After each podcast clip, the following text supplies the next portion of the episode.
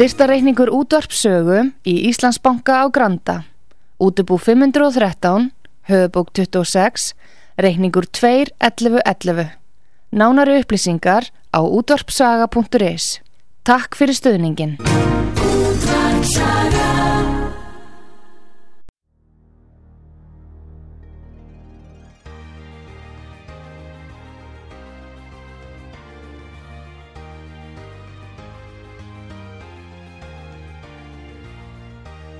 Heimsmálinn í umsjón Pétur Gunnlaugssonar. Fréttir og fréttatengt efni af Erlendum Vettvangi.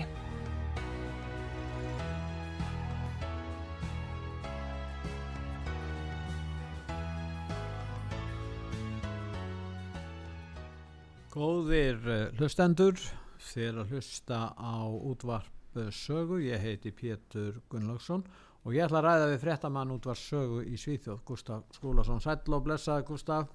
Já, konti blessaði Pétur og hlustendur.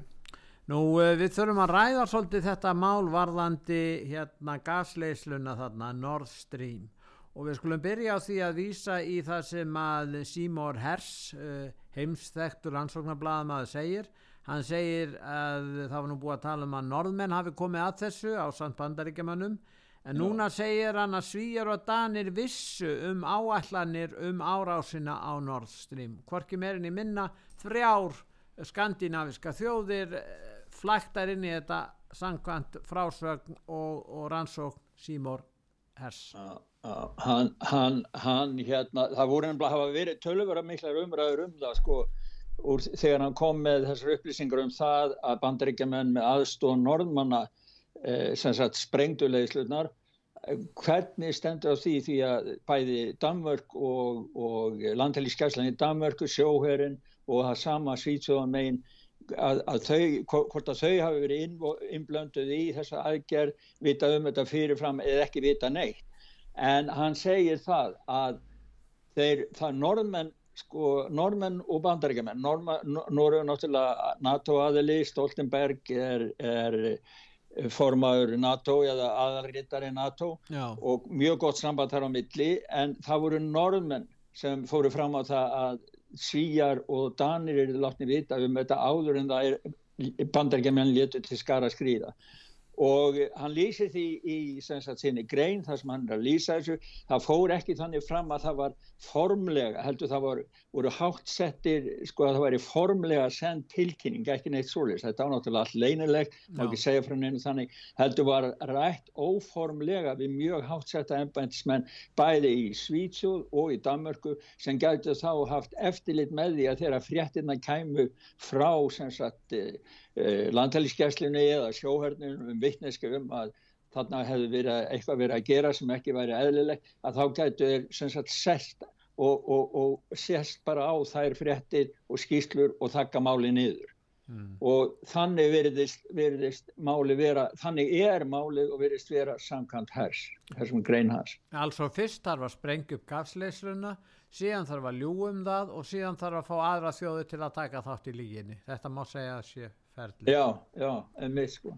Þannig að, þannig að sko það, það, það hefur komið í ljós núna að þessi eh, sprenging á gasleyslu og sérstaklega náttúrulega e, upplýsingarna sem að þessi bandaríski rannsóknar blaðamaður Seymour Hers hefur komið með, þetta hefur valdið bara skjálta á Vesturlandum það er alveg hótt að segja það það voru miklar umræðu til dæmis á Þíska þinginu og Þíska ríkistur og, og líka Európa-sambassþinginu það sem að bæði leitóður Európa-sambassins og líka í Þískalandi ríkistur Þískaland er alveg hund skömmu vegna þess að báði þessir aðilar bæði ríkistjórnin í Þískalandi og framkvæmdastjórnin Európa-sambassins Úrsula von der Leyen lístu því mjög hátilega yfir eftir sprenginguna að það er nú aldilis að þetta veri mjög líklega skemdaverk og það er aldilis að rannsaka þetta mál og þetta var núna til umræðu og, og smá, við erum með smá hljóðbút hérna frá Þíska þinginu Nei. það er Þísk kurdiskur eh, Sevi,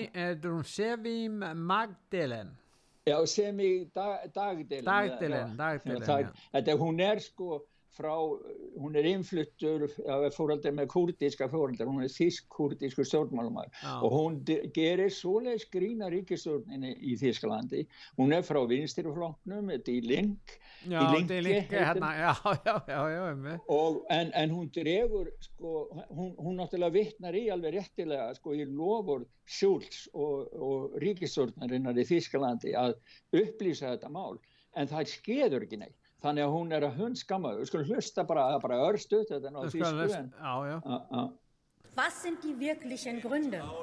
Man muss vielleicht nicht gleich annehmen, dass Bundeskanzler Scholz und Außenministerin Baerbock nicht mal alleine zum Bäcker gehen würden, ohne sich vorher die Erlaubnis der US-Administration dafür abgeholt zu haben.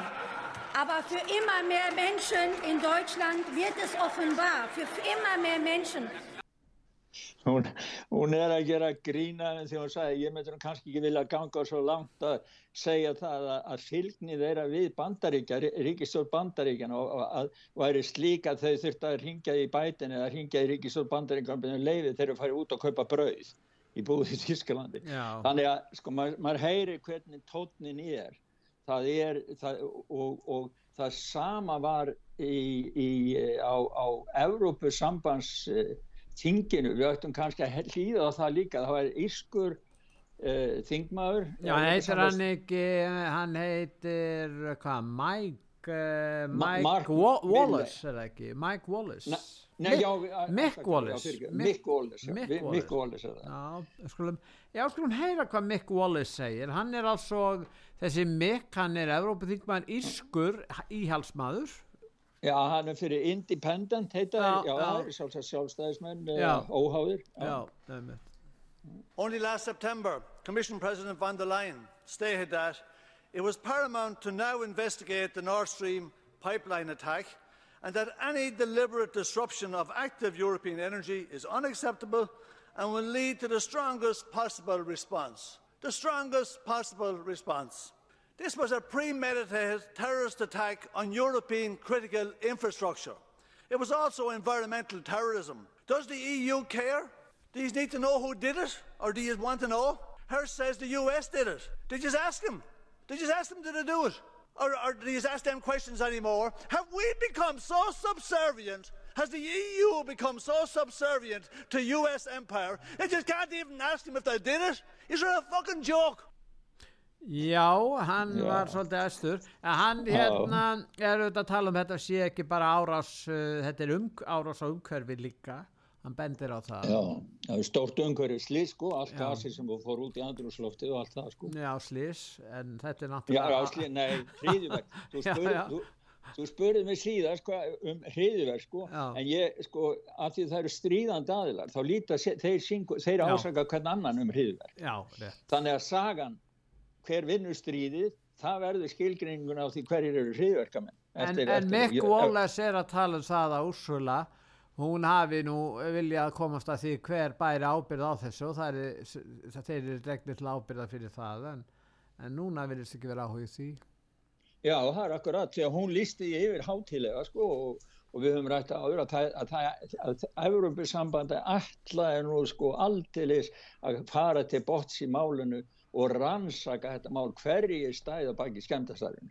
En núna heyrist ekki múk, þannig að, að, að, að það verður að koma neðan frá, það verður að koma frá fólkunni sjálfu um það að reyku eftir þeim að fara í rannsók. En þetta er náttúrulega, sko þrýstingun er bara rétt að byrja og við sjáum það til dæmis, sko rússar, þeir eru náttúrulega að hafa lagt fram beini í há öryggisráði saminuð þjóðuna um að máli verið tekið upp að rannsaka þar og núna, og, og Kína, frá Kína þá sagði utan ekki sáðar að Kína núna í síðustu viku að það yrði að rannsaka þetta mál því að þetta hefði svo viðtæk áhrif. Og hann nefndi líka umhverfis sem sagt, hættuna sem hefði komið eðileggingun á umhverfunum með, með, þetta var ekki bara hriðverk heldur líka umhverfis hriðverk Þann, og, þannig að og núna er Þískaland og svo þetta núna þannig að það rattir um það að máli verið rannsaka eru að aukast út um allt Já, Já Sýmor Hersan uh, bendir á það að, að bandaríkjaman og, og normenn hafi staðið að þessu.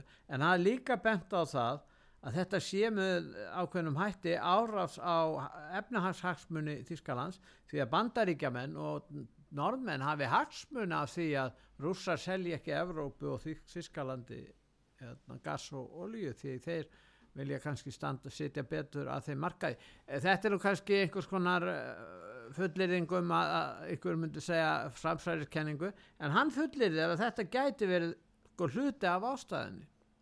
Já, og hann segir, sko, hann, seg, hann útskýri það í, í sinni skilgreiningu þá, hann er búin að kynna sér þetta mál mjög vandlega Já. fram og tilbaka Já. og hann segir það að, að, að Biden hafi verið hrættur um það að að, að Þískaland myndi ekki koma sem liðsmaður í stríði gegn Rúslandi í Úkræn og þess vegna hann bara kerti yfir ákvæði að gera þetta og, og, og þeir sem hafa grætt á þessu síðan það eru, það eru alls ekki þjóðverjar það eru alls ekki íbúar Európa-sambansins en það er, er til dæmis það eru bandaríkjaman sjálfur sem hafa grætt á þessu því þeir selja svo mikið gas og svo var að koma frétti frá frá Nóri um það að, að norska Statoil, þeir hafa aukið sko, velduna um 880 miljardi norskra króna, það er nála til 1 biljón sænskra króna eða 1000 miljardar sænskra króna,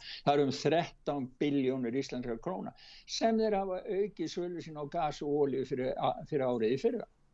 Og, og ég menna og, og, og það er stórpartur af þessu ennáttúrulega lausnin fyrir Evrópu og Þískaland var þá náttúrulega að kaupa gas þegar og loka fyrir leysluna til rúsa að kaupa gas frá Nóri og Bandaríkjan Græningar í pólutískum vanda vegna þess að og það var tekið fyrir sérstaklega gaggrína auðaríkisráð þeirra Þískaland sem er tilheyrir græningaflokknum sem að í raun og veru er núna helstu bandamenn og stöðnismenn NATO og hafa alls ekki gaggrind þessa árás á gaslísluna eða við kenna það ekki.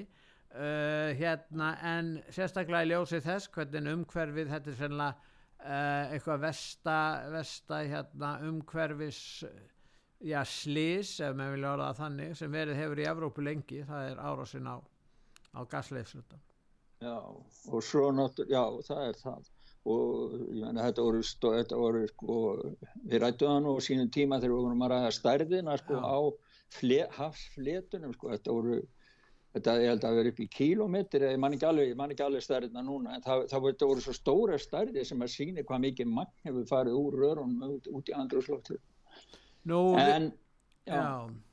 En, en eh, nú er komin alveg ný frétt og, og þar kemur fram að brettar og bandaríkjaman þar að segja það eru þetta er Rishi Sunak og svo Kamala Harris sem er mætt aðna til Evrópu fór á mjúnikráðstefnuna um, í München segi og, og líka hérna þeir heittast og, og er að gefa frá sér yfirlýsingar og það er að segja þau að stríð hérna Úkrænu stríði sé alþjóðlegt stríð alþjóðastríð. Þetta, þetta er alþjóð, það, þetta er orðið á ennsku þau segja is a global war Já. global war. Hvort sem maður þýðir alþjóðlegt, alheims eða heims, þetta þýðir bara heims styrjöld þetta er ekki lengur bundi, þetta er ekki lengur stríðið í Úkræn þetta er ekki bundi við Við vorum vöna að kalla slík stríð heimstyrjaldir, var það ekki? Eitt og tvö. Já, heimstyrjaldir, já, heimstyrjöld já, heimstyrjöld, þetta maður segja það Ja, ég, ég, þetta, ég var bara, þú veist, við vorum að setja þetta inn á heimasíðu sögu. Þetta, þessi frétt, hún byggir á tilkynningu sem er á heimasíðu Downing Street 10. Það var að segja uh, Rishi Sunak, fórsættisráðara Breitlands. Það sem að hann er með, sami, með yfirlýsingu á, á heimasíðu fórsættisráðunetsins og ef maður saksar í það, þá segja þarna sko þau hildu varanlega Kamala Harris og, og Sunak. Þau hildu varanlega styrka á sambandi Breitlands og Bandaríkjana sem venda fólki okkar og gerir heimina örugari stað. Já. og þau segja að það sé komið hvergi skýrar í ljósheldur inn í Úgrænu þar sem að þau séu tveir helstu alþjóðlegu samstarfs aðilar Úgrænu og síðan vilja þau flýta fyrir alþjóðlegum aðgerðum til Úkrænu þannig að það sé hægt að vinna stríðu og tryggja réttlátan og varanlega frið og þau eru sammálum það og þetta er það sem við þurfum aðeins að spá í þau eru sammálum það mikilvægi þess að hugsa lengra heldur en fyrir bráðar þarfir Úkrænu þar að segja í augnablíkinu. Þannig að sam, alþjóða samfélagi getur tryggt að Úkræna standa aldrei frammi fyrir sömu ógnunum aftur. Ég meina þetta er stór orð og svo segir áfram í bladatilkynningunni þau, þau voru sammála um að stríð Pútins í Úkrænu væri þá alþjóðlegt eða væri heimstyrjöld. Notum það bara, orðið heimstyrjöld. Og þá svo teljaðu upp áhrifin á matvæla, orkuöryggi, afleðingar á viðkenning, alþjóðlega viðkenningar eins og fullveld og svo framvegs. Það spurning hvort þessu sammála Soros sem hefur líst í yfir á ukrænsku sigur myndi leysa upp Rúsland og það væri raun og veru eftirsoknaverst að, að slíkt ástand myndi skapast. Já, það er merkilegt, Pétur, að, að báða þessar yfirlýsingar, bæði frá Harris og Sunak í, í Breitlandi og Bandarækjanum, koma frá öryggisrástefninni Munsen sem var núna í fyrirvíku og frá þeirri öryggisrástefnu George Soros held ræðu þar og ég verð að segja það, núna er ég búin að sjá, sko, finnst mér allir bitarnir í stóru pusludæminu verið að koma saman. Því að hann komi skilgrinningu á því hvað, hvaða markmi hann hefur og við skulum nú aðtóða það hvaða völd þessi maður hefur, George Soros. Ég segi það að hann, hann setja, hann setur upp línuna og hann segir það Eh, löndin í fyrir Sovjetríkjónum geta alltaf beða eftir að fara að sjá russa sigraðið í Úkrænu vegna þess að vilja halda fram sjálfstæðisinu og það þýðir að sigur Úkrænu myndir leiða til upplausnar rúsneska heimsveldisins. Rúsland myndi ekki lengur ógna Evrópa heiminum og það myndi þýða mikla breytingu til þess betra. Hann, hans, hans skilgrein og heimin, ástandur í heiminum er þessi. Er, þetta er stríð á milli óbina samfélag sem við skilgjum þá sem Vesturland og lokara samfélag sem eru þá svona eins og Rúsland sem eru núna að berjast yfir heimsifir á henni í heiminum og samtímist þá er hægt af að öll síðminningin hringi vegna lofstafsbreytingana. Hann er að leggja blínuna stríð globalismans í Úkrænu er stríð ekki bara til að koma Puti frá, þetta er til að gjör sigra Rúsland og bútaði niður í smæri, smæri samfélag. Út af hverju? Já, kannski verður þá bara beina brautin fyrir, fyrir globalistina að fara inn og láta greipar um sópa. En ég segi það, þessi maður, hann hefur svo mikið völd, hann er í raun og veru ókjörinn leiðtogi stjórnmálamanna á Vesturlandu. Það, það er tvent núna, það eru kynverjar sagðir auka stöðningsinn við rúsa þetta er enn eitt dæmið um það að, að styrjöldin er að stegmagnast annað er það að Selenski og aðrir og bandamenn hans og það heyrðist bara og heyrðist hérna á Íslandi líka það er ekkert nema sigur í bóði það er að segja að það er skilirisleis uppgjöf. Uh, það er gerð svo krafa að Úkræna vinn sigri á, á výgvellinum, engir samningar í raun og veru, Minsk er alveg glemt fyrirkomulag og samkomulag Mm. og öll hérna anstaða við þessa eh, afstöðu er, er tólkur sem einhvern stöðning við rússa sem er náttúrulega heia hérna ólöglegt stríð skelvilegt stríð en það verður líka en það er engar fríðaviðræðir í gangi sem þýðir það að við getum verið að sjá stríð sem stendur yfir í mörg ár Ég meina fyrirverðandi auðaríkisræður Íslands, Ingeborg Solrund, vísaði í stríð Péturs Mikla við Svíja og það tók 20 ár að vinna Ókrænu. Ég meina hvað eru meina að tala um eiginlega? Já, akkurat. En það er aðteglisvert að þú segir þetta Pétur því að það, það stemmi nú ekki alveg miðað við allt því að sjálfur, sjálfur hérna, Mark Milley yfirmaður bandaríkahers eða starfsmannastjórið að koma á hvaða tillin á vera hann var nefnilega með blagamannafund núna og kvítahúsið, ég held að það hefur verið í síðustu viku það sem hann er að lýsa hernaðarstöðinu í Úkrænu akkurat núna og við erum með smá hljóðbút Mark Milley, heitir hann það ekki?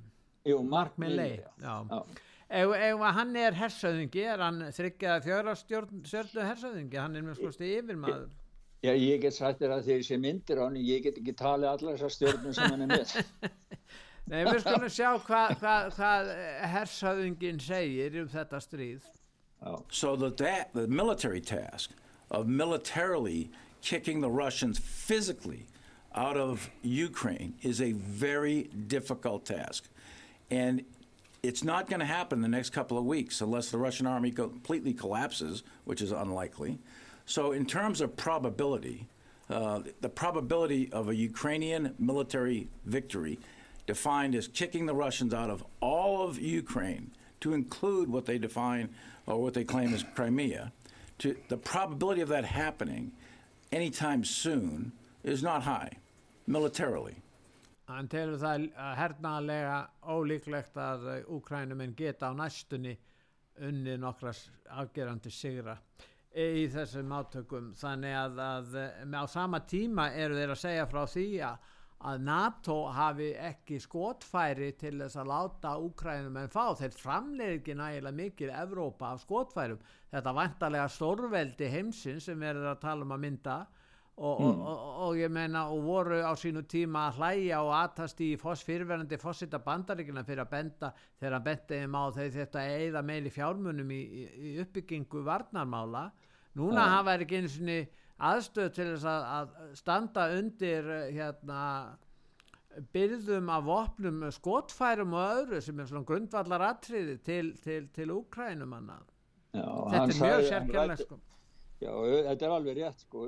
Bæ, bæði hefur sagt, Stoltenberg um að NATO sagt þetta, hann talaði um það að það færi gífurlegt magn herrgagna í strísreksturinn og vopnabyrði bandamenn er að tæmast. Þetta segir yfirmaður NATO í ræðu og, og, og svo var fórsættisráðherra Svíþjóður Ull Kristinsson, hann byrtist allt í, í kænugarði í síðustu vikur þar á sem ennbættismæður, talsmæður þá Európa-sambansins og líka sem fórsættisraður að Svíþjóðar.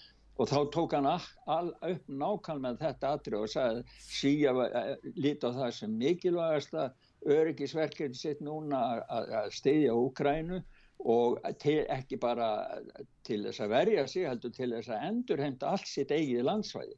Og hann, hann talaði um það og taldi sér hann upp hvað síðan væri döglegir að gefa þeim alls konar vopn og tæki og peninga og annað og tól og, og, og sagði síðan einmitt þetta en við verðum nú að passa það að við eigðum ekki eða skemmum okkar eigin varnagetu síð, sagði hann. En já, en hvað er á næstunni? Nú eru bandaríð stjórnvöld að byggja bandaríska ríkisborgar að yfirgefa Rúsland, það var löst hvað er að gerast þar? Nú sumir halda því fram og því er haldið fram að bandaríkjaman séu að þjálfa íslamska hriðjöverkamenn það er í snót til að þeim til að ráðast á, á Rúsland og þar erum við mm. að tala um Ísisliða, Al-Qaida og, og, og það er náttúrulega ljóst að það eru múslimar að verja. Er múslimar í, í Úkrænu sem er að verja Úkrænu, þeir eru hérna 400-500.000 múslimar sem að búa í Úkrænu og þeir mm. er að verja og síðan eru rússatinn með uh, sína múslima líka. Þetta, þetta er alls konar hópar sem koma þarna að sem er náttúrulega staðfestir það sem við vorum að tala um áða en þetta er að verða svona alþjóðlegt stríð. Já, og síðan er... eru síðagöngur að byrja. Núna eru fólk að rýsa upp og, og eftir því sem að uh, styrjöldin stegmagnast þá er svona almenningur í Evrópu og bandaríkjönum að, að rýsa upp og, og og ymsir að benda á það að, að, að, og mótmæla á fríðarfundum og, og, og, og gegn þessari stríðsvél og þar á meðal í, í, í hérna uh, München núna. Já, þeir voru með sko, það eru frettir um þetta á heimasíðu sögu, ég veit ekki hvort aðri fjölmilar uh, líti á þetta sem neina frétt, ekki megin miðla kannski, en, en það voru yfir 20, 20 og 25 þúsund manns sem að fóri fríðagöngu voru að mótmæla stríðinu í Úkrænu á meðan öryggisráðstefna var. Þetta var fyrir helgir sko og ég, það er mynda úr gönguna, þetta er ansi góður hópur sko og þa það var einn maður sem held að skildi sem að mætti þýða þannig sko að þegar að græningarnir vilja hafa stríð þá geta þær farið sem, sem áhöfn á skriðrikan. Þannig, þannig að það er sko þannig, þannig að það er e, það er sínist mér á þessu og, og svo vorum við með í bandaríkunum líka. Það var núna bara í gær að, að, að í bandaríkunum sem sagt e, ég held að það séu einhverju tveir flokkar það eru frjálsíkumenn í bandaríkjánum sem að tilheyri nú ekki republikanaflokknum eða demokrataflokknum það eru svona libertarians kallaði sig og Já. þeir eru svona frjálsíkjumenn og vilja lítil afskipta af hennu ofinbæra af lífi fólks og, og, og efnarskerfi og þeir rýsa upp, þeir vilja ekki að bandaríkjumenn sé að hafa afskipti af því sem er að gerast annar staðar. Og síðan er það flokkur fólksins, þannig ég veit ekki hvort hann er nokkuð skilt við íslenska flokk fólksins. Að heiti The People's Party það Já. er einhver. Og síðan er það ákveðnar hreyfingar, trúarhreyfingar sem að vilja frið út frá sínum sko trúarkenningum að við eigum fyrst og fremst að verja friðin og berjast Já, og fyrir því. það, Já og þeir eru með sko í, í bandaríkjunum þá eru með, þetta heitir rage eitthvað, rage Já, uh, reyði gegn strísvelinni rage já, against the war machine já.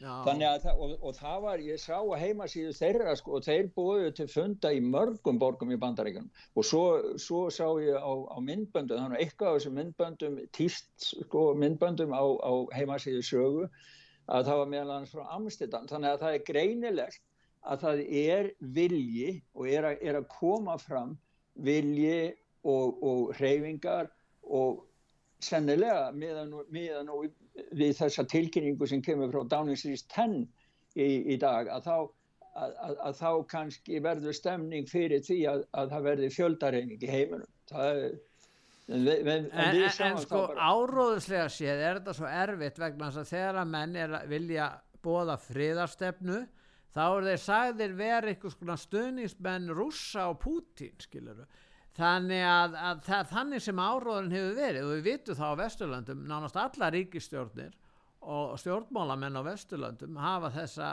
ekki gert annað en að fylgja þessari hörðu stefnu um að fara ekki neina fríða við það þýð ekki neitt að verði bara að ná öllu landsvæðin aftur hverju meinasta Já, hverju meinasta milli Já, algjörlega. Og þar á meðal krímskaga sem er náttúrulega Já. þýðir hlítur þeir líta á það núna sem hluta af yfiráðsvæði sínu, hluta af Rúslandi hluta af Rúslandi já. þannig að við erum að tala um það hvort að rússar munu afhenda hluta af sínu landsvæði í dag hvort að þessi raunast að fara út í samninga Minsk samkómulagið var gert sem sannar í fyrsta lagi að það var gert samkómula sem hefði átt að standa við í öðru lagi sannar það það er hægt að ná fríðarsamningi en að láta og leiða úkrænsku þjóðina út í styrjöld sem stendur kannski árum saman og kannski erum við að tala um mörg hundru þúsund, kannski miljónir sem verða fórnalömpin fyrir utan hann að það geti breyðst út stríðið, kvíturússar eru komnið svolítið af stað, það er þessi, þessi vinu Pútins Lukan, Lukashenko. Luka, Lukashenko já ég meina hann er að tala um að opna fyrir hvað gerist ef að Kvítarúsland verður hluta af þessu? Og dragast á pólverjarnar inn í þetta og litáin þetta er sko það, það er eins og við séum stöndum heimurinn standi á þröskuldi þess bara eins og flugvél sem er að lifta á loft að hraðin og eins og mikið það er ekki að stoppa sko. af hverju geta þær sagt að það megi ekkert semjum neitt sko nein, neitt eh, neina breytingar á landamærunum. Vegna þess vegna þess að þetta er svo stefna sem að George Soros eins og við vorum að tala um á þann eh, hefur verið með allan tíman en, en er bara að skýr núna. Þeir hafa alveg frá því þarna 2014 á, á þegar hún var rutt úr stóli í, í byltingunni þarna í, í Ukrænu að, að verið með þetta markmið sem hafa verið að Sóros hann hefur nú monta sig að því í fjölmjölum að hann hafi verið komin að með sig að fyrir þann tíma. Þannig að hann hefur sín markmið og markmiði hjá honum það er Sigra Rúsland hann er með sama markmið á Napoleon hann er með sama markmið á Hitler. Sigra Rúsland og bútaða niður í mörg minni samfélag það er það sem hann er að vinna fyrir. En það styrjaði ekki allir því að Emmanuel Macron, hann sagði það á öryggisráðstæðinu hann gerir það rétt, já, já, hann sagði það, ég fer ekki út í það, það alla, þá, alla þáleið, ég fer ekki út í það ég er ekki að, vil ekki sigra Rúslands en forveri Emmanuel Macron samþitti minnsamkomulagi skrifað undir það. Já, þannig að það eru mótsetningar innan, sko það eru ekkit allir stjórnmálamenn á Vesturlandun sem að vilja fyrir ennari Scholz hann skrifa já. undir þetta líka. Eh, hvað heitur hún? Fyrirverandi kanslari Þískalands já, Mer Merkel. Engin önnur en hún. Angela, e Angela. Þessir, já, engil, engil fríðar eða hvað? Engil já, döðans, engil, hvort er það? Já, hvort er það? Hvort er það og hvort verður það? Ég held sko mér sínist á öllu heimsmálun eru komin í svo mikið hnút að það stjórnmálum en á Vesturlandum þeir kjörni stjórnmann þeir á ekki við ástandi lengur fólki verður að fara að hreyfa sig og fara að, að, að grípa í taumana það, það, það verður að snúa til eða á að vera hægt að stöðva þetta í tím Við ætlum að fá auðlýsingar en eftir auðlýsingar hér Gustaf þá förum að tala Já. um alþjóðavæðinguna. Það eru globalistarnir á heimsvísu, upplýsingarstríðið og fjölmiðla einokun globalistana og annað í þeim túr. Við förum þangað eftir auðlýsingar.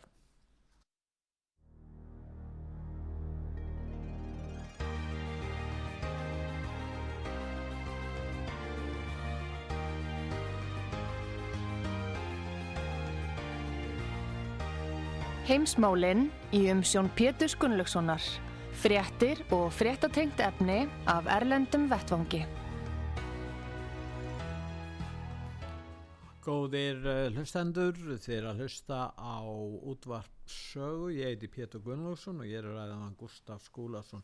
Gustaf, nú er það þannig að uh, sumir vilja uh, kollvarpa hérna ástandinu, skipulagin í heiminum og koma á nýju heimskipulagi og reynar vilja þeir að, að, heimur verði fyrir miklu áfalli, það verði einhvers konar tilvistar kreppa sem verði til að snúa fólki í átt til eh, breytt heimskipulag og þar eru menni eins og Arturo Brís sem er á vegum alþjóða þróunarstofnunarinnar nú Antonio Guterres talar um að heilu löndin munu hverfi hafið og, og, og ég, ég meina þetta er allt í gangi saminuð þjóðurnar er á fullu þarna.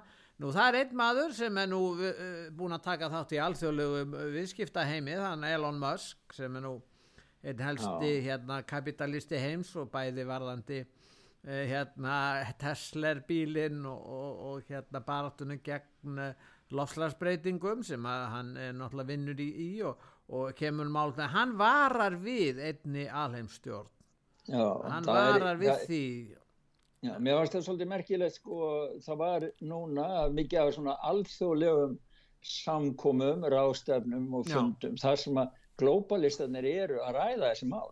Uh, við höfum náttúrulega World Economic Forum Davos og við höfum, höfum eins og þess að öryggisástefnu sem var núna í München. Og svo var núna um daginn þá var altså heims stjórnar rástefnan í Dubai með, með sem sagt Arabalöndum Já, og það var þar sem þessi prófessor Arturis Brís var að tala um það sko hvernig á að fara að því að, að, að koma á þessu eina heimskipulagi sem þeir allir að tala um að eigi að koma á? Og þá segir hann, hann held í fram að þetta myndi ekki gerast að sjálfu sér eða það væri ekki hægt að taka þetta í skrefum. Það væri sem sagt ekki hægt að taka þetta eins og Európusambandi gerði þú veist með því að skera pulsuna niður í marga sneiðar. Heldur er þið bara að taka þetta með einu sjokki að heimurinn er það að fá áfall og hvað það er, það vitum við ekki en svona hluti eru þeir að ræða. Þannig að þetta er svona gott dæmi um það hvað þeir eru að ræða á svona samkundum. En Elon Musk, hann held fyrirlestur í gegnum, gegnum stórskjarm á þessari heimsrástefnu og við skulum heyra hvað hann segir því Já. það var mjög interessant innlegg One thing I should say, on, and I know this is called the World Government Summit. I think we should be maybe a little bit concerned about uh, actually becoming too much of a single world government. If, if I may say, that we want to avoid creating a civilizational risk by having, frankly, this may sound a little odd, too much uh, cooperation between governments. You know, if you know, if you look at say the at history and the rise and fall of civilizations, that, that really all throughout history civilizations have risen and fallen, but it hasn't meant the doom of humanity as a whole because there've been there've been all these separate civilizations that were separated by great distances. já, Já, nei, það sem hann er að tala um, sko, hann er, að, hann er að vara við því að hafa eina alheimstjórn því að hann segir að það sé of mikil áhætta miðað við heiminn í dag að leggja all, öll uh, kortin á eina hendi, öll spilin á eina hendi.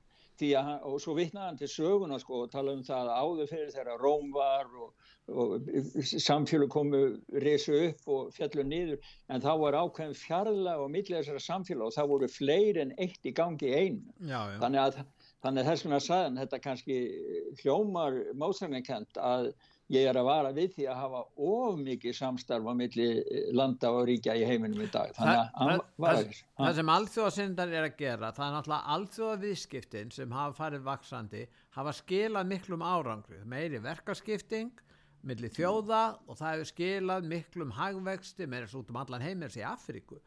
Og þetta vilja nýta sér til þess ekki bara að þetta verði frjálsviðskipti heldur verið þau notu sem tæki til að koma á einni alheims stjórn það er það sem er að skilja Já, mér finnst nú bara sko svona að maður að kíkja á, á myndinni heild Já. að það sé markmið globalist en að gera bara jarðabúa að leigu lið við eigum bara að mhm. leia lífið af þeim við eigum ekki að eiga neitt við eigum bara að borga allt staðgreðsla þeir eiga að eiga allt þeir verða sem sagt, við verðum bara leigutakar og þeir verða sem sagt, út, hvað heitir það þeir sem að leia út allt sem er til Já. sem þýðir bara sjálf lífið við eigum bara að verða leigu liðar og háðir þeim Þannig að þeirra markmið er í forgangi og hlutverk mann annara er bara að fylgja þeirra markmiðum í lífunum en ekki að mynda sér sjálfstæð markmið til að lifa eftir. En við, nú, við viljum nú vera sangjut við, við alla, alla, alla aðila í þessu máli og líka skoðinir þannig við viljum hlusta á menn eins og Klaus Schwab og, og náttúrulega Soros er það ekki? Hefum ekki að hlusta á það? Hlur hlustum að þess að Klaus Schwab, hann tala, var nú einn á aðal ræðumönum á Já. þessari heimstjórnar ástöfn. Já, einmitt. And I agree, artificial intelligence, but not only artificial intelligence, but also the metaverse, new space technologies, and I could go on and on, synthetic biology. Our life in 10 years from now will be completely different, very much affected, and who masters those technologies in some way will be the master of the world. Já, er, er hann bara tæknir maður nummer eitt, hann auðvitað vel að breytingar í samfélagin, hann tala um að eftir tíu ár verði allt samfélagið orðið gjör breytt og út að gerfi greint og öðru, ég menna Ég skil ekki á hverju ég ger ekki nýja James Bond minn bara að tekja hann bara beint inn. Það er sem leikar, hann getur leikið sjálf Ná, hann, það þarf að útvega hann kött, hann þarf að vera með kött í hendinni Það getur fengið rúsneska kött sem klóður ekki. Nei, en heyrðu, svo verðum við að hlusta á það er eitt hljóðbútur hérna sem ég, sko, hann... hann er það Soros? Já, en hann, ég lands að segja frá hann, sko, Antonio Guterres Já. hann er sko komin hann er, hann er gjörsamlega, ég bara veit ekki á hva, hvaða lífið sem maður tekur sko því að hann er, hann er gjörsamlega komin úr e, e, böndunum hann var að auka gýrin í domstags, lofslags domstags hræðslu áraðum sko. og það var sko, þetta er svo geðveit sko, hann spáir því að löndmjölu, hann segir Brátt mun hafið gleipa Lagos, Maputo, Bangkok, Dhaka, Jakarta, Mumbai, Shanghai, Köpenöp, London, Los Angeles, New York, Buenos Aires og Santiago. Ói, ég næ ekki andan að þið lestu upp, svo mikið. Já, og hann segir frá að mannkynni sé að fremja samilegt sjálfsmór og hann líkir nótkun og jarðverðna eldsneiti við eitulöðnæslu. En það sem er, Soros hann, hann, þegar hann, hann gæti líst stefnu sinni og öryggisrástefnunni hann í munnsinn fyrir helgi Akkur hvað er hann aðganga henni vegna þess að hann á peninga? Já, hann, hann er vegna þess að hann er fóringi glóbalista til hlýðunum allir, hann, hann leggur upp línuna Já. en svo þegar las hann upp og var að lesa upp hérna lofslagsmálinn þá, þá gata hann ekki lesið, það er náttúrulega að segja og það eina sem ég hef gert við hennar hljóðbút, ég hef bara að segja það, það eina sem ég hef gert við hennar hljóðbút, ég stitta hans þagninnar á milli, hljóðin eru hans og svo þegar ég var að spila þetta í spilarunum á tölunum minni, þá bara kom allt einu svona, svona uh, hljóð svona bara eins og vassljóð, við skulum hlusta á þetta. Hlustum á Soros. The melting of the Greenland ice sheet affects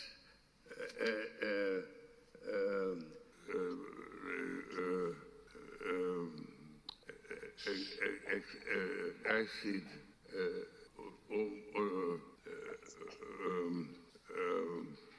would increase the level of the oceans by seven meters.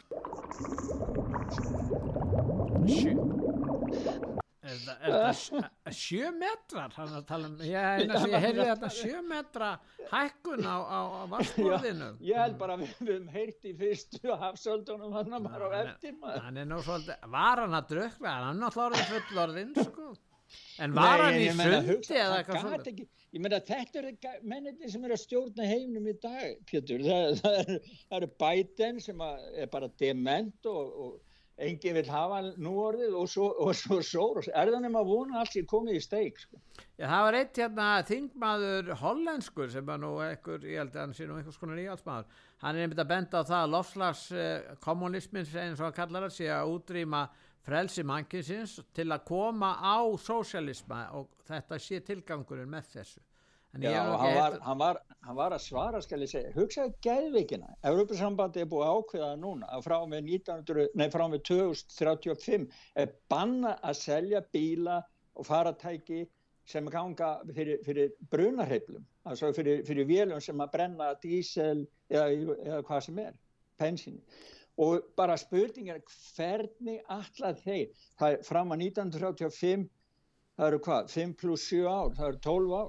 Já, já, 12 ára, það er enga stund Já, að líða 12 fyrir, ár. fyrir það fyrsta, það er ekki til nægilega mikið efni heiminu til þess að flamriða ramaspíla fyrir alla sem Nei. eiga bíla þetta og þurfa að skipta 2035 Nei. og í öðru lagi þá er, eru þeir svo dýri það er svo dýrt efni í það sem er notað í batterín og annað í þeim Já, já. og, og svo hver á að geta borga ramagn á þessi tæki með þeim verðum sem er, ríkja í dag í Það ramagn þarf að framleiða ramagn líka fyrir ramagspílana. Þannig sem Já. hér á Íslandi, það er enginn að hugsa um það. Ég meina sér að segja að það með ekki hérna, virka meira, en hver á, hver, hver, hvernig á útvega ramagn í alla þessa ramagspíla? Ég veit það ekki. Já, nei, það er sko, það er ekkert hugsað, þetta er bara, þetta er bara geðveiki og hún er geðveiki og er það nema von, sko þetta, ég held að það hafi verið bara verið artificial, altså gerfi greindinas Klaus Schwab sem að greip inn í hann á tölvinu og kom með þessa, þessi hljóð þarna, drukknuna hljóð. En við vitum það að Soros er að fjármagna fjölmiðl átum allan heim og álitskjafa og þetta liggur alveg fyrir. Það með þess að við höfum uh, hérna tölun á þessu, 253 hópar sem hann er að styðja sérstaklega og þetta hefur áhrif, það er verið að kaupa þarna alls konar fjölmiðlamenn, blankir gæjar sem að kannski hafa enga sérstakka skoðun, hvað heldur þú? Já, það er, sko, já, þetta, er alveg rétt og hann kaupir og svo eru þeir settir upp kannski hundruðum tali, tali sem, sem einhverju sérfræðingar koma Já, já. fram bara til að endur spekla og eru bara gjallarhótt fyrir hann og glóbalistana og Þeir voru að grí- kalla, að kalla þeir sölumenn notaðara hugmynda og það má kannski segja það í því að vera sölumenn notaðara hugmynda. Og það er náttúrulega ég, meina þetta er bara satt. Ég meina, Já, viðurkenna- sölumenn, en það er einn hópur sem við verðum að ræða Gustaf það er, það er þessi ísraelski leinihópur sem hefur haft áhrif á kostningar í 30 löndum.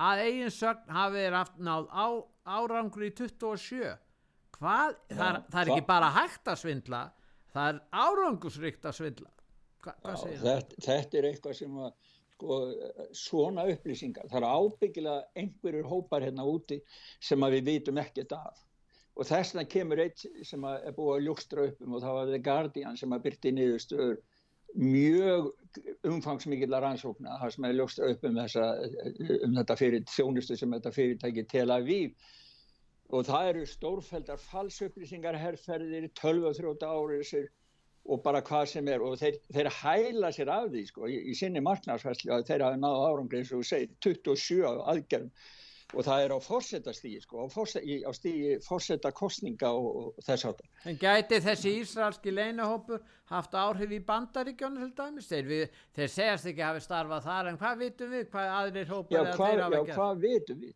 Við höfum ekki, ég meina, við höfum, það kom ekki þær upplýsingar en, en, en svona upplýsingar sko, það vekja, vekja, manni, vekja mér allavega en óhug sko. að, þú veist, að, hvað, hvað, við, við, við erum að tala um líðræði samfélög, við erum Já. að treysta stjórnmálamennum, við erum að geta treyst stopnunum Já. og svo eru svona aðilar úti sko. Og líka eins og við erum að ræða um með hann Soros sko, ég meina ég hef nú séð sko hann, hann, hann er með sko hann er með svo marga hópa og einn af þeim stærri þarna, Project Syndicate. Þeir meðal hann að skrifa greinar sem við selja út um allan heim og meðal hans hafa verið byrtan í morgunblæðinu, ég er ekkert að gaggrina rýðstótt morgunblæðsins því að Nei. þeir hafa ábyggilega borga fyrir þetta, þetta er bara auglýsingar en það, er- það er sko þetta er ó, og svo svona sko þetta er ótrúlegt alveg. En það ég sá það að John Cleese, uh, hérna leikarinn, hann treystir ekki BBC, þannig að, að skortur á trösti er víða hérna í, í, í, í samfélaginu, Gustaf. Já, já það, er það, það, það var nú búið að segja það að BBC myndi fá þetta en hann ge- gekk út í gegn því sko. Íslendingar þekka hérna hennan þátt sem allar endur byggja upp aftur, Hotel Tindastól, Já, Fawlty hérna. Towers, altså. Já, Já, mjög, mjög, þetta, þetta var þeim vinsælest já, það var mjög vinsall þáttur á sínum tíma. En, En en, hann- en ef við snú, við hefum ekki tíma en að spurningum þessar skoðanakannir í bandaríkjunum og, og það virðist vera sem að eh, nú eru kostingar á næsta ári, það er nú fljótt að liða, næsta ári fara fram fórsita kostingar í bandaríkjunum og, og það er eins og, já við tökum demokrata, þeir eru svolítið erfitt með að, að ákveða hvernig þeir vilja hafa sem leiðtoga þessum og frambjóðanda í þessum kostingum. það hefur sko stór hrunið fylgið af Joe Biden og sko bara fyrir hálf ári síðan uh, þá var hann með, var meiri hlutin sem að myndi hafa stuttan sko ef hann byggði sig fram til endurkjörs en í dag, nýjasta kannunni sýnir að það eru bara 12% af demokrautum sem að vilja styðja hann. þannig að það er greinilegt sko, greinilegt að mikil hreyfing og mikil hræðsla innan demokrataflokksins og þess vegna kannski er það eins og núna þá er það Kamila Harris sem er farin að taka sér alþjóðlegu uh, samskiptin eins og það að hún fór á öryggisráðstöfnun í Múnsenni fyrir viku. Já, hún gerði það. Já, þannig að hún, sko, en hver það verður, það veit maður ekki, sko. En svo er bara heilsan á honum bætan, hann er orðin svo, sko, hann stama jafnvel meira heldur en sórór, sko. Þannig að, að, og stundum veit hann ekki hvað hann er á senunum, þannig að, og svo bara allt þetta rugl og svo með verðbólgun í bandaríkjunum, sko, hann heldur að það sé allt í lægi, að sé engi verðbólgu í bandaríkjunum, en maður, við erum að fá fréttin og við erum eftir að skrifa og segja frá því og útarpið sögu, sko, frá uh, fólki sem við erum í sambandi við, sem bara lýsir því að almenningur í bandaríkjunum er farin bara að selja allt af sér, sko. Ég meina við Íslitingar erum með svipaða verðbólgu eins og bandaríkjamenn, kannski jafnvel meiri. Þannig að, að það eru nokkrar, sko, það er miklu læri verðbólgu í mörgum Evrópuríkjum, það er að segja eins og í Noregi og Sviss og, og fleiri ríkjum. Hmm. Það, já, heldar ver, ver, verðbólgan en til dæmis hérna í Svíþjóð þá hefur matarverð, sko Já. við tökum matarverð út úr, þá hefur það hækkað 20% talar, Já, já, það við þekkjum það líka. Og, og þetta er Já. svona í bandaríkjunum, eh, matarverð þar hefur hækkað á bylunu frá eh, 10-15 upp í 40% á ákveðnum vörum. Þetta er alveg svakaleg verðbólga á já, þannig að það er, það er sko, en, en svo, svo til dæmis nú er Trump, það er, það er í samband við hann, nú hefur Nikki Heilis hérna búið sér fram, Já.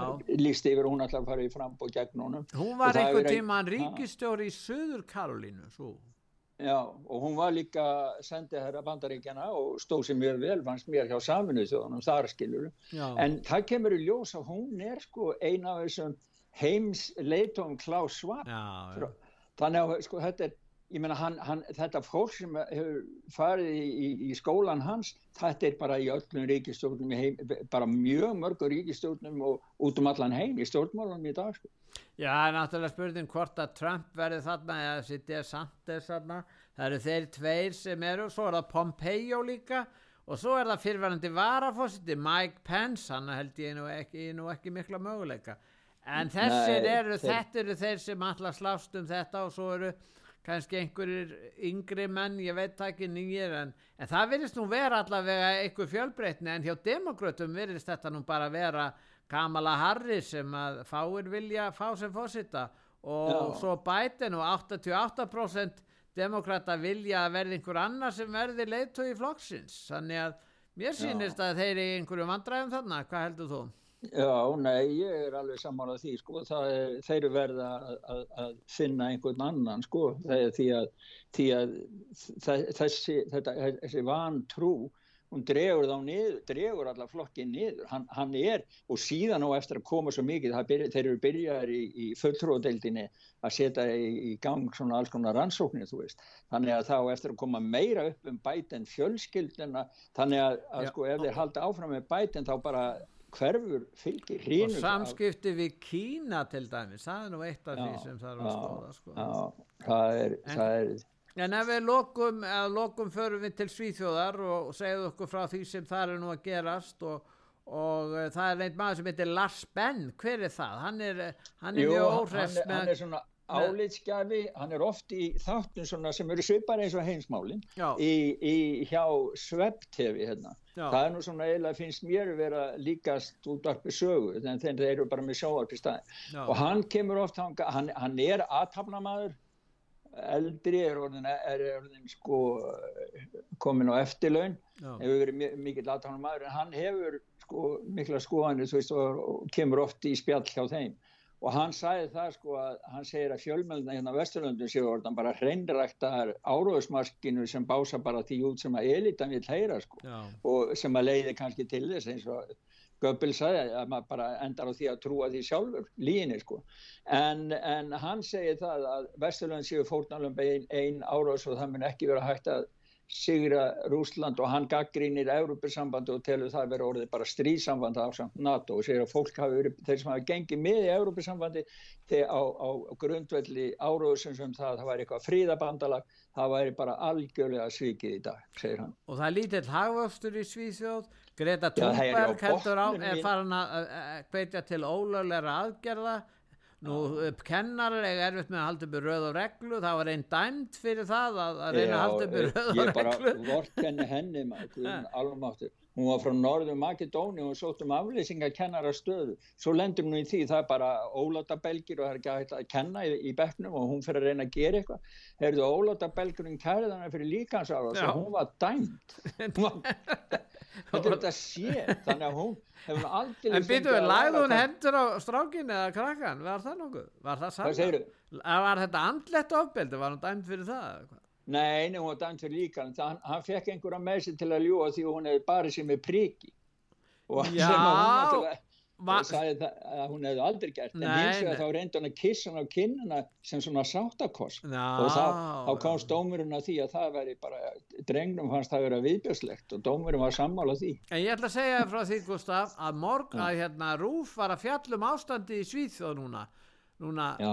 og það var í fyrsta sinn lengi og þeir voru að segja frá máli sem við höfum sagt fyrir nokkrum vikum síðan um þennan 15 ára dreng sem var myrtur þannig að þeir eru nú ko að koma til að, greina frá því hvernig Já, árásandur er, í er, Svíþjóð er þeir ekki með sögulegan fréttamann hjá sér? Já, kannski ekki tími tilkomin að hann hefur vakið á En við ætlum að enda þáttinn með lægi með Billy Joe Shaver, þekkjur hann hann er að tala, mæla með líkansvinnunni og þetta er svona amerískur country söngvari?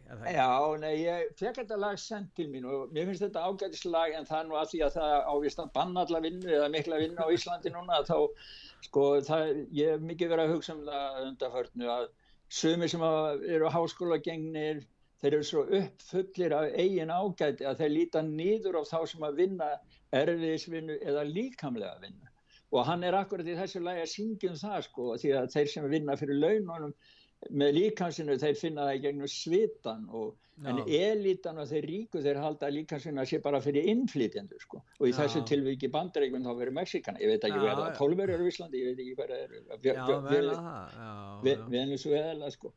Og þannig að hann, hann er að lýsa því og, og e, þetta sé bara miskilingur að, að, að halda það. Því að ríkið, elitan og þeir ríkuð þeir taki bara miklu meira heldur en er þeirra raunverulegi hlut Já, það er það nú, hlutskipti þeirra þeir, já, fá meira en þeir verðskulda, en allavega við skulum hlusta á hann og, og við skulum bara kveðju núna, þakka þér, þér fyrir, Já, Gustaf. þakka þið fyrir sömulegis og hlustandi sögur Já, ég þakka hlustandi út af sögur, verðið sæl.